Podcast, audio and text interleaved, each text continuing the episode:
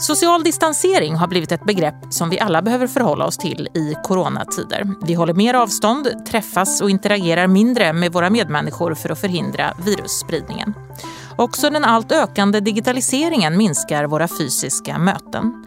Så hur påverkas tillhörigheten till varandra och till samhället av digitalisering i allmänhet och under en pandemi i synnerhet?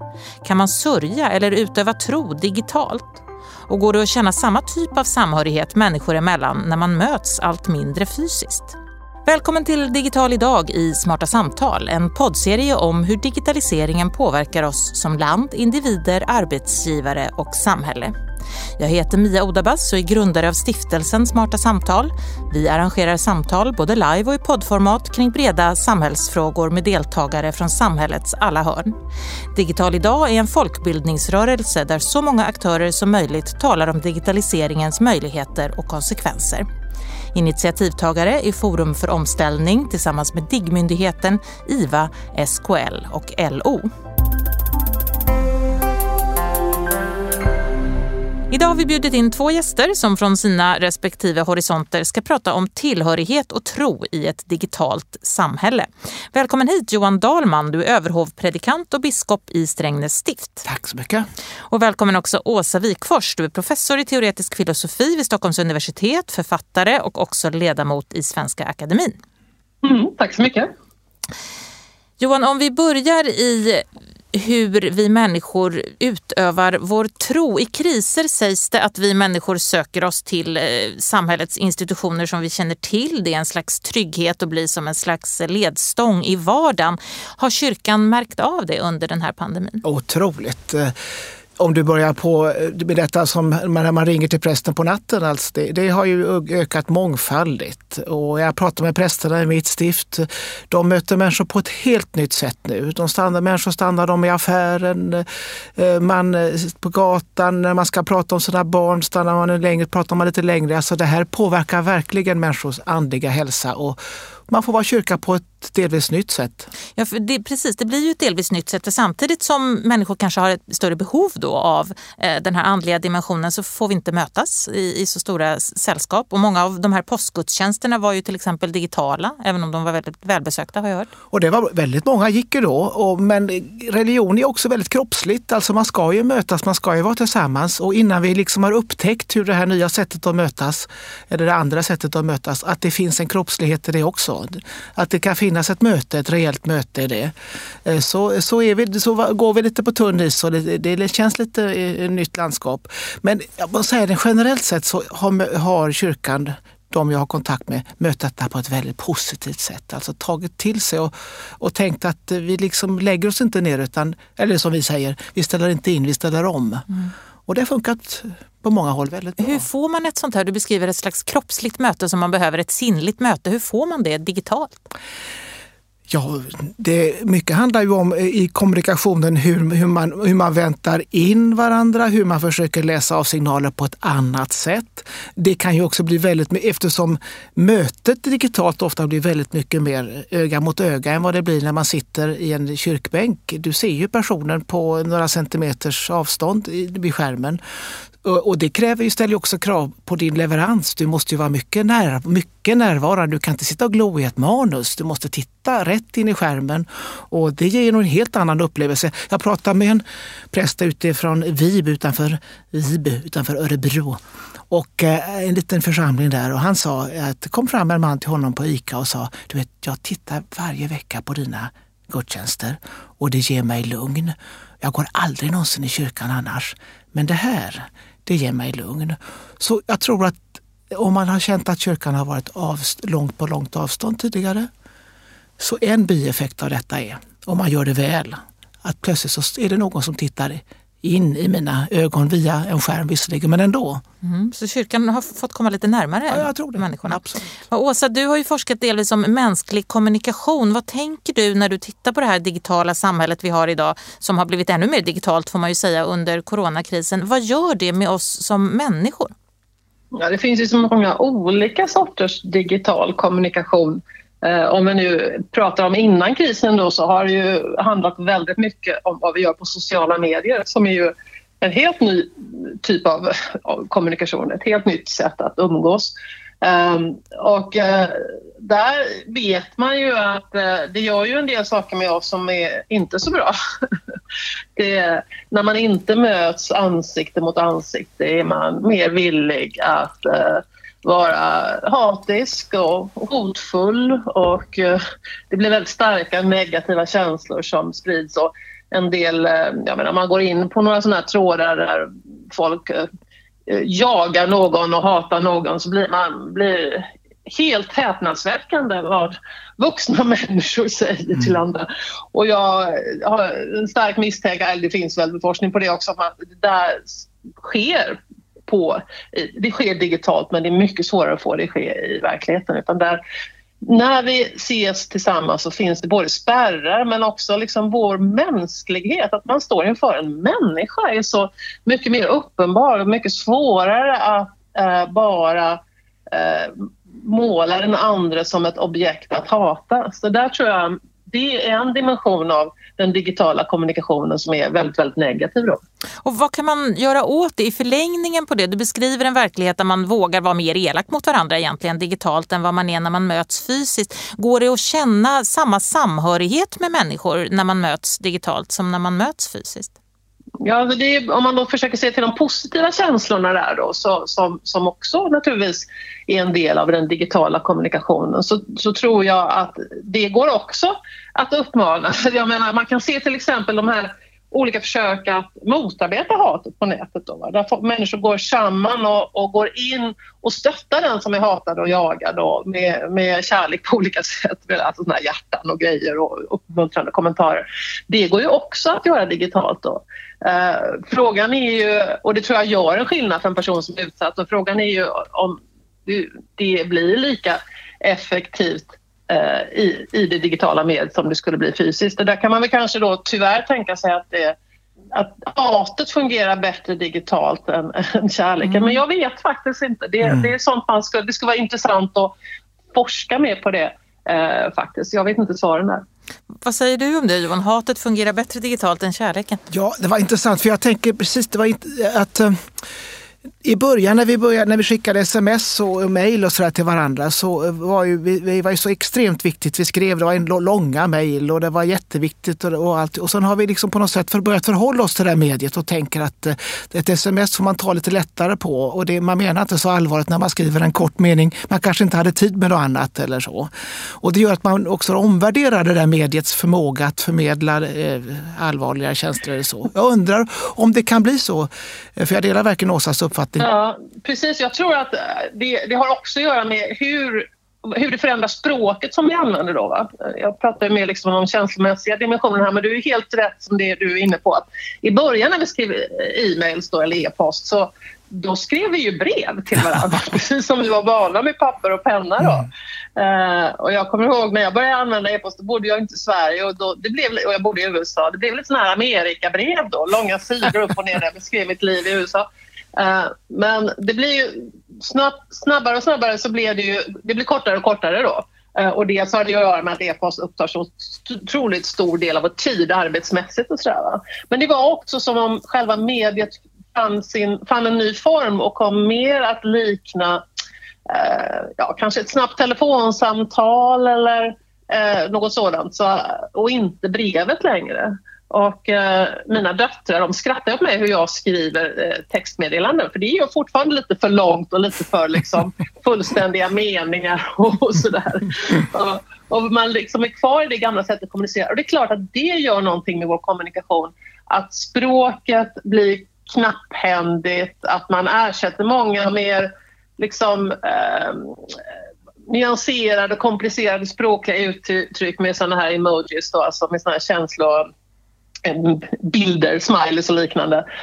Um, vad händer med det budskap vi kommunicerar när språket blir, blir utarmat på det sättet, knapphändigt? Mm. Det kan man också fundera över. Och vad jag tänker Åsa, att, äh, det, vi har också nu, för nu konfererar vi och pratar så enormt mycket på nätet de här senaste veckorna.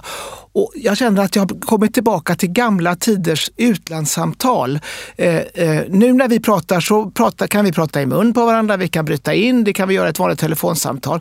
Men när man ska prata på de här konferensplattformarna eh, eh, så är det ju så att vi kan inte prata i mun på varandra, för det går inte. Utan jag måste alltid vänta in dig. Och det innebär att hela vår kommunikation blir väldigt mycket mer att om vi råkar prata i mun på varandra, då tystnar båda. Och så tänker, åtminstone tänker jag, tror många tänker, undrar om det där jag tänkte säga var så viktigt att jag ska ta igång, gå igång igen. Eller vi skippar det här, jag, jag, jag går inte in i diskussionen mera nu. Och, så jag märker själv när jag sitter i sammanträden eller möten nu att hela kommunikationen blir väldigt mycket mer, eh, det blir som att man bollar över ett nät. Mm, och det, blir liksom inte, ja, det, blir inget, ja, det blir inte den här dynamiken. Och, och det blir som gamla tiders utlandssamtal.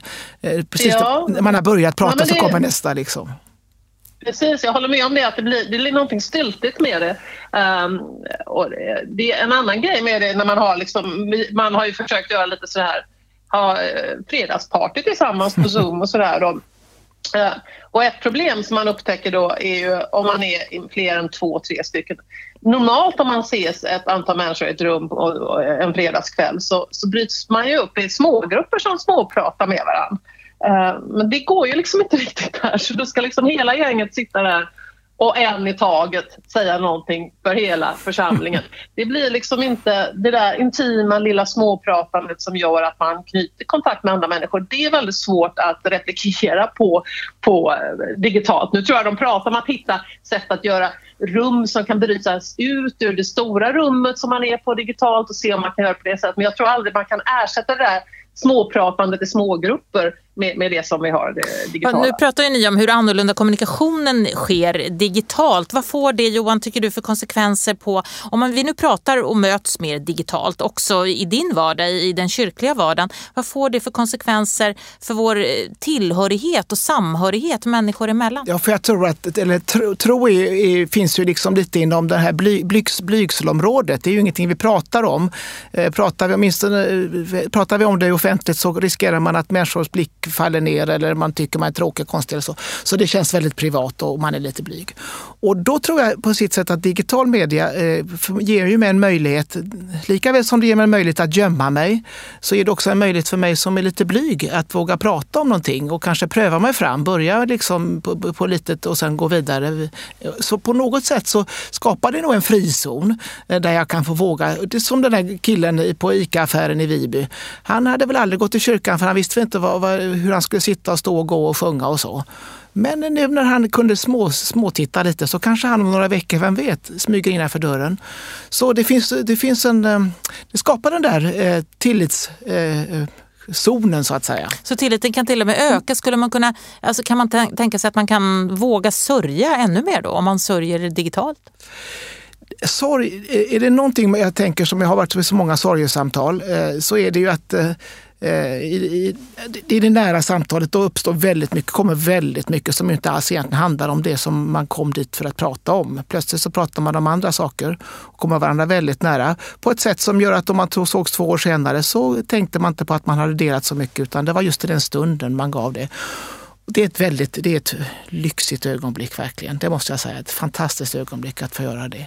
Det tror jag eh, det digitala ger förutsättningar till på ett mycket större, i mycket större utsträckning än om vi ska så att säga, arrangera att mötas, eh, träffas på ett sätt. Jag ska komma hem till dig, du ska stryka och bädda och putsa allting för att jag ska göra det. Så Vad spännande. Åsa, håller du med om att man kanske vågar mer om man möts digitalt?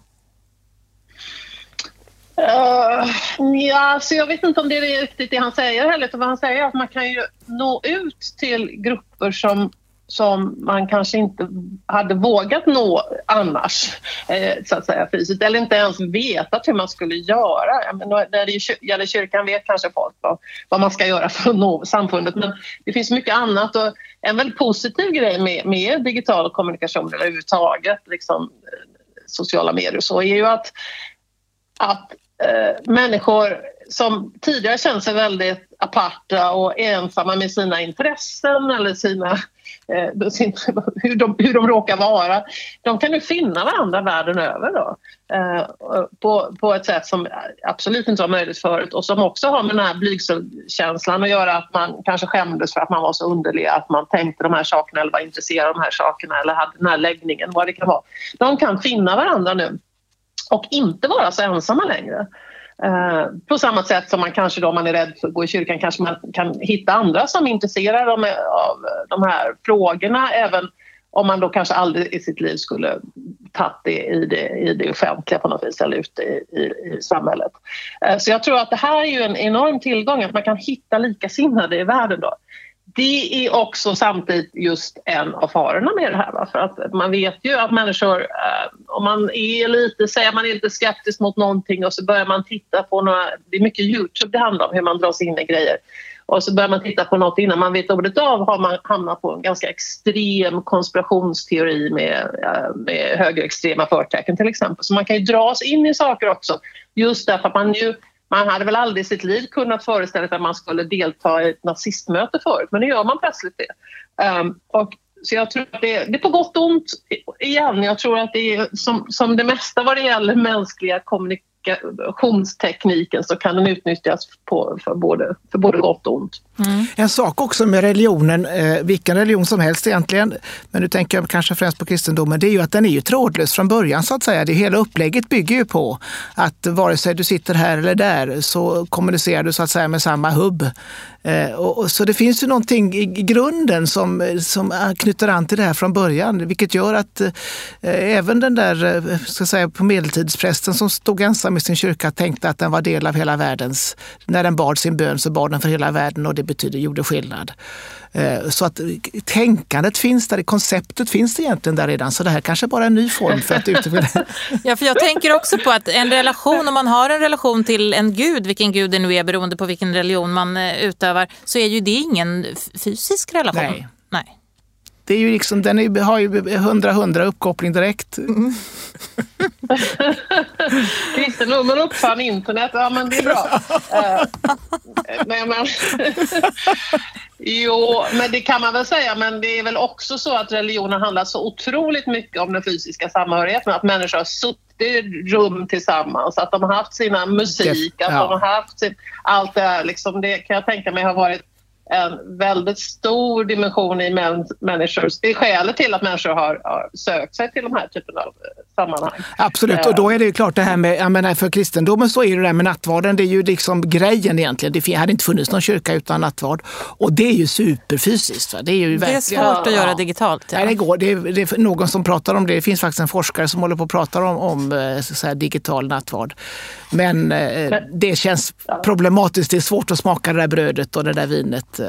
Och det har ju faktiskt varit en alltså, utmaning nu för oss under de här tiderna. Ja, det, det kan jag förstå. Men också sången, tänker jag. Alltså, ja. En sak som grep mig väldigt, nu är inte jag troende då, men en sak som var, och det här var ett annat exempel egentligen, men det var det här körsången som människor har gjort på eh, Zoom, där människor alltså hemma i sina rum då bestämmer sig för att sjunga. Nu till valborg var sjöng de ju Vintern rasat ut. Och, eh, de spelar in, var och spelar in sin sång och så samtidigt då sätts det samman och blir en körsång.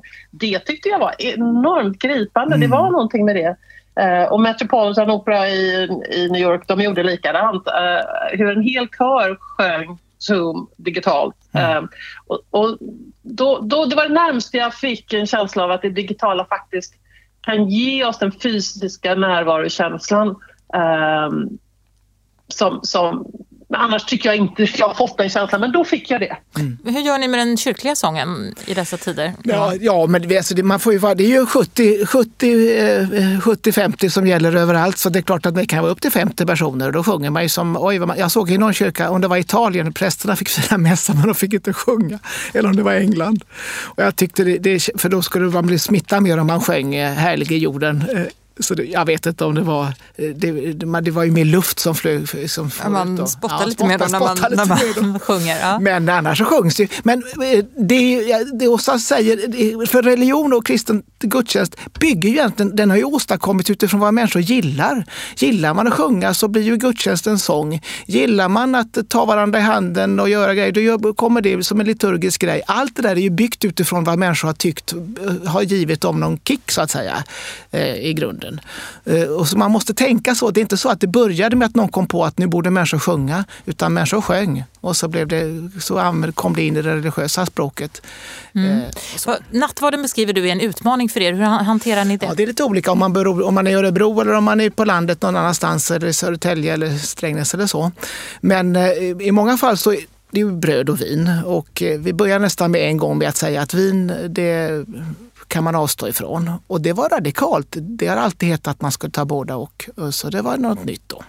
Kanske den som lyssnar tycker det verkar konstigt, men det var liksom något nytt. Man tog undan vinet. Det fanns där, men man drack det inte. Och så tog man bara emot brödet. Och nu är det massa av mina församlingar som de delar bara ut brödet. Eller den som kanske kommer fram och som alltid tar nattvard annars lägger nu sin hand på axeln och så blir den välsignad och så säger vi att du får lika mycket och gör som du vill. Känn dig fri. Överhuvudtaget har det blivit väldigt mycket mer gör som du vill.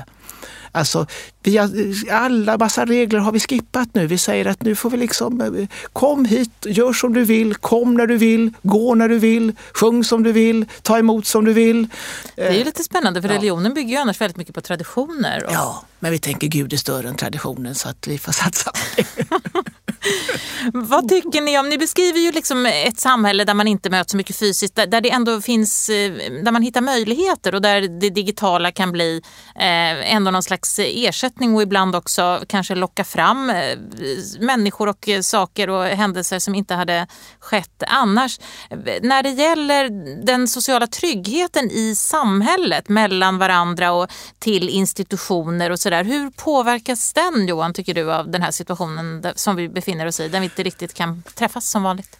För det första tänker jag att så oerhört mycket jag och många tror jag saknar 70 plus. Alltså detta, den gruppen som faktiskt har haft tid att göra väldigt mycket, skapa någon form av varmt eh, liniment för hela samhället, mm. röra, gå på kulturevenemangen, stanna kvar lite längre, eh, berätta. De saknar otroligt mycket nu. Och de som, som är nya nu, eh, yngre som kommer in, de är, är liksom tar över på sitt sätt. Man undrar hur kommer det bli när, när 70 plus som vi längtar till, när de kommer tillbaka igen. Det kommer vara ett nytt landskap då. Eh, jag känner stor skillnad i församlingarna när gamla, de här gamla kompisarna är borta. Mm. Och som ju inte var 70 plus så att säga i, de var bara 70 plus i, i kroppen men inte i knoppen. Utan, så att det där tror jag är en sak som vi upptäcker nu. Och det är ju också det, det också, tror jag påverkar samhället väldigt mycket att vi börjar prata om, vi pratar om människor som riskgrupper. Eh, och det är ju ett väldigt knepigt, det är, som, det är naturligtvis ur medicinskt perspektiv och så, så är det ju sant.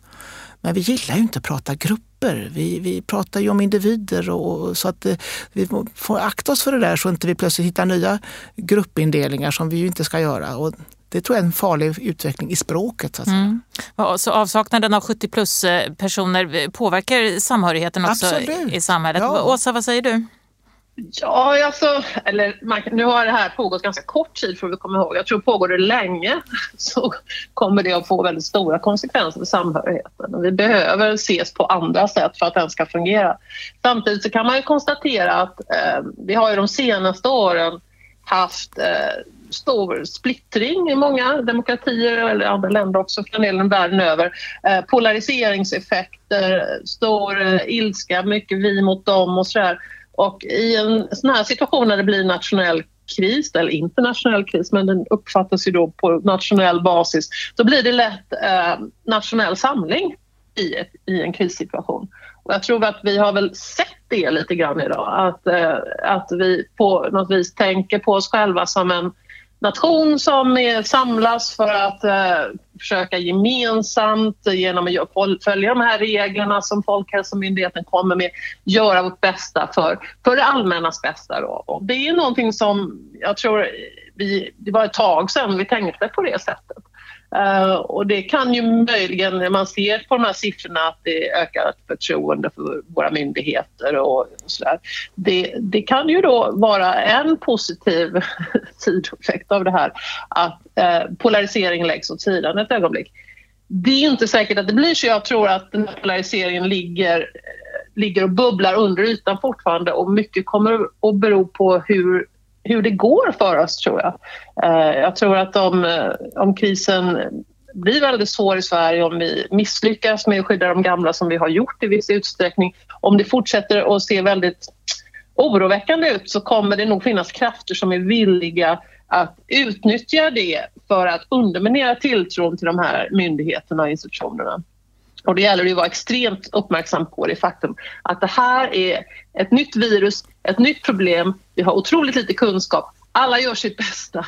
Ingen är ute efter att skada någon. Hur bra det går för de olika länderna, vi får se om ett par år vad resultatet blir. Mm. Eh, men just, just nu ett ögonblick av nationell samling, det tycker jag man kan man uppleva och det tycker jag är positivt efter flera års eh, bråkande. Mm, för att vi har någon slags gemensam fiende då, håller du med om det Johan? Ja, det, absolut.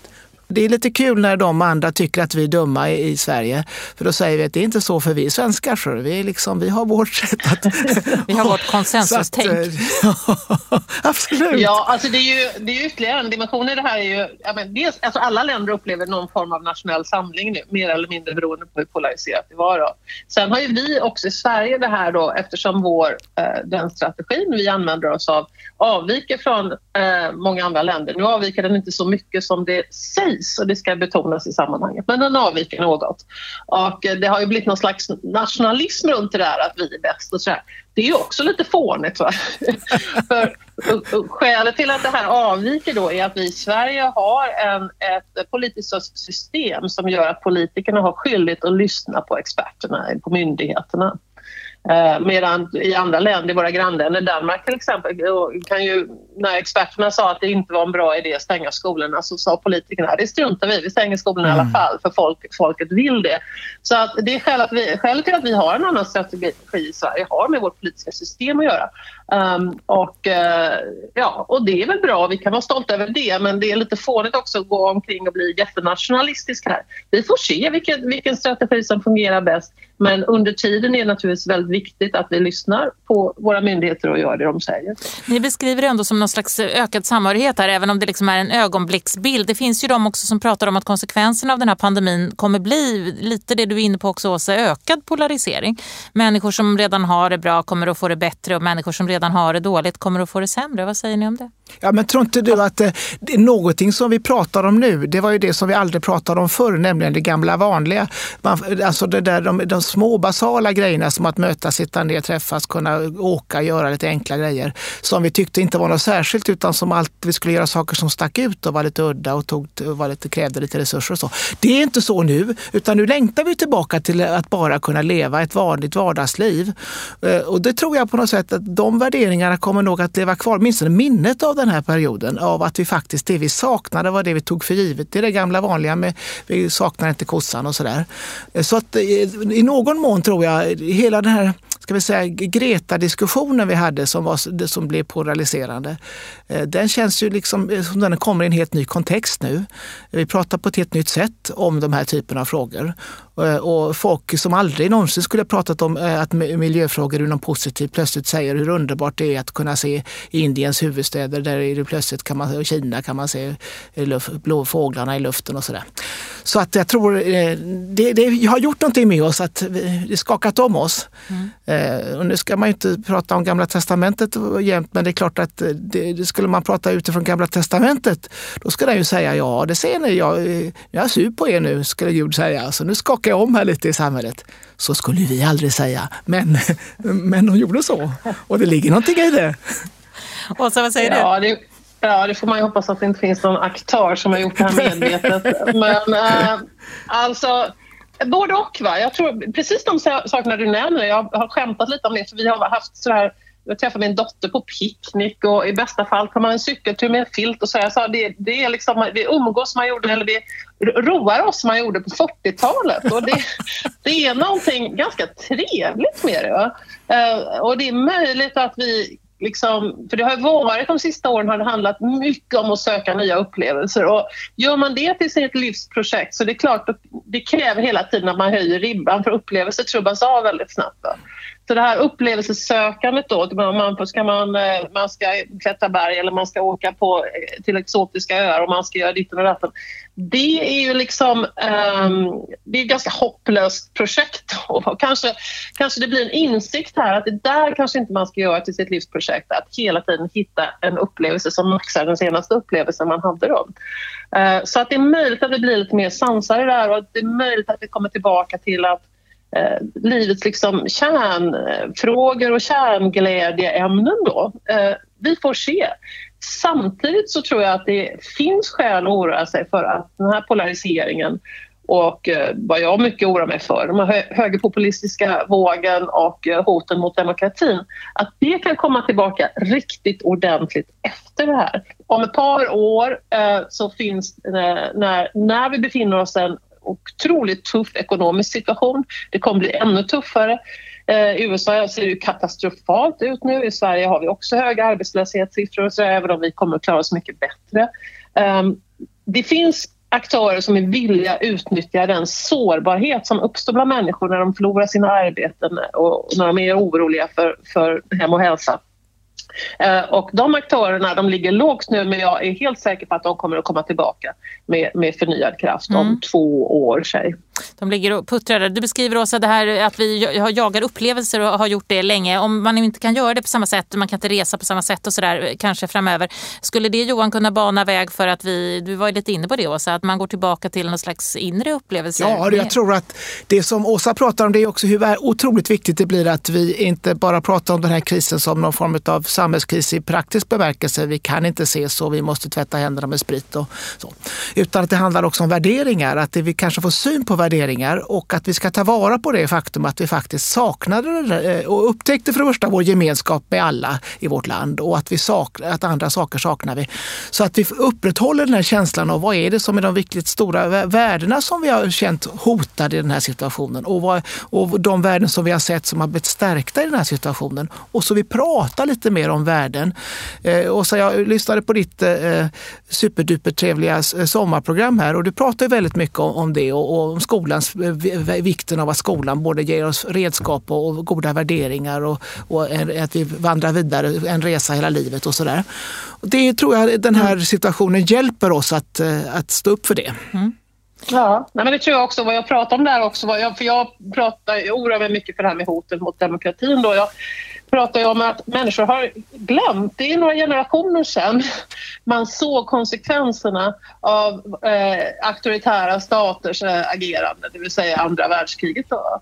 Eh, och min generation växte upp med det i, i liksom, i, bak, bakom oss eftersom våra föräldrar var, var inblandade i den generationen. Men eh, de yngre har det liksom inte riktigt lika, lika eh, akut framför sig längre. Eh, hur illa det kan gå när vi tappar de här värdena, när vi tappar tron på demokratin, när vi tror att en stark ledare ska nog fixa det hela. Det, där, det handlar om att man helt enkelt har, inte längre har den här kunskapen och krismedvetenheten. Så det är mycket möjligt att här, den här krisen ger oss en ny typ av insikt av det slaget eh, också. Vi får hoppas det. Mm. Jag tänker på eh, med det här med värderingar och vem som ger värderingar. Jag ska ju tala ju ofta med de som tänker att de vill bli präster eller diakoner. Och eh, då frågar man ju alltid naturligtvis hur kommer det sig att du sitter här och, och hur börjar allting? Och, och då kan jag säga nio gånger av tio så säger de mormor eller farmor.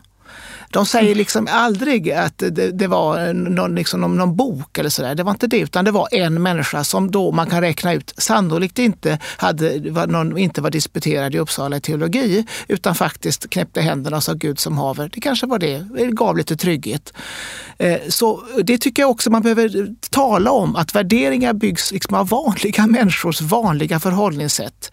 Att ge sig tid med varandra. Och det tror jag också att en sån här kris, eh, eh, när vi nu då saknar 70-plussarna och eh, när vi pratar mycket mer om värderingar så ska man tänka att det, liksom inte, det är inte rikspolitikerna som kommer ge oss alla våra värderingar utan det måste vi alla bära och som Åsa säger, ska vi rida spärr så kan inte en rida för alla utan vi måste rida tillsammans. Mm. Ni beskriver ju förändringar i värderingar här som kommer kanske efter den här pandemin. Vad ser ni mer för bestående effekter som förändringar i våra beteenden som, som kommer att bestå? Johan, om du tänker på eh, ditt jobb, vad kommer att bestå av de förändringar vi ser nu tror du? Ja, på ett, på ett trivialt plan så kommer vi naturligtvis att, eh, jag kommer att umgås mycket mer digitalt med, istället för att fara runt på saker som egentligen är av lite exekutiv natur. Absolut. Och så kommer jag ta vara, de verkliga mötena kommer bli viktigare. Eh, så det tror jag, det tror jag definitivt blir en skillnad. En annan tror jag också, eh, åtminstone i församlingarna, att ungdomarna tar större plats. Eh, och för det är helt naturligt så att det finns inte några andra just nu och de får liksom utrymme nu. Och andra får helt enkelt utrymme. Man flyttar på sig en stund. Eh, så det tror jag också kommer påverka någonting. Ett, eh, helt enkelt så. Ehm, ja, vad ska man säga mer? Vad kommer vara kvar? Det är svårt. Som, du, som Åsa säger, som vi alla säger, när är, när är sen? Nej, men alltså en sak man kan hoppas är väl att eh, det gör, eftersom allting står still, alla planen är parkerade och så vidare, att, att det gör att vi kan göra en omställning till ett mer hållbart liksom, samhälle då. Och då tänker jag på klimatförändringarna förstås. Angela Merkel var ute och pratade om det och så vidare, att man ska passa på nu och göra en övergång till den typ av livsstil som vi måste göra en övergång till under alla omständigheter. Eh, det skulle kunna vara en förhoppning att det blir en förändring, men eh, vi får se. Mm. Det ska bli spännande att följa upp det här samtalet tycker jag när vi eh, väl är ute ur den här pandemin och se vart vi landar då. Det kanske vi får möjlighet att göra. Så länge så tackar vi er Johan Dahlman och Åsa Wikfors stort och varmt för att ni var med i Digital idag i Smarta Samtal podcast. Tack så mycket! Tack så mycket! Tack, tack! Hej! Det här programmet görs på Beppo. Beppo.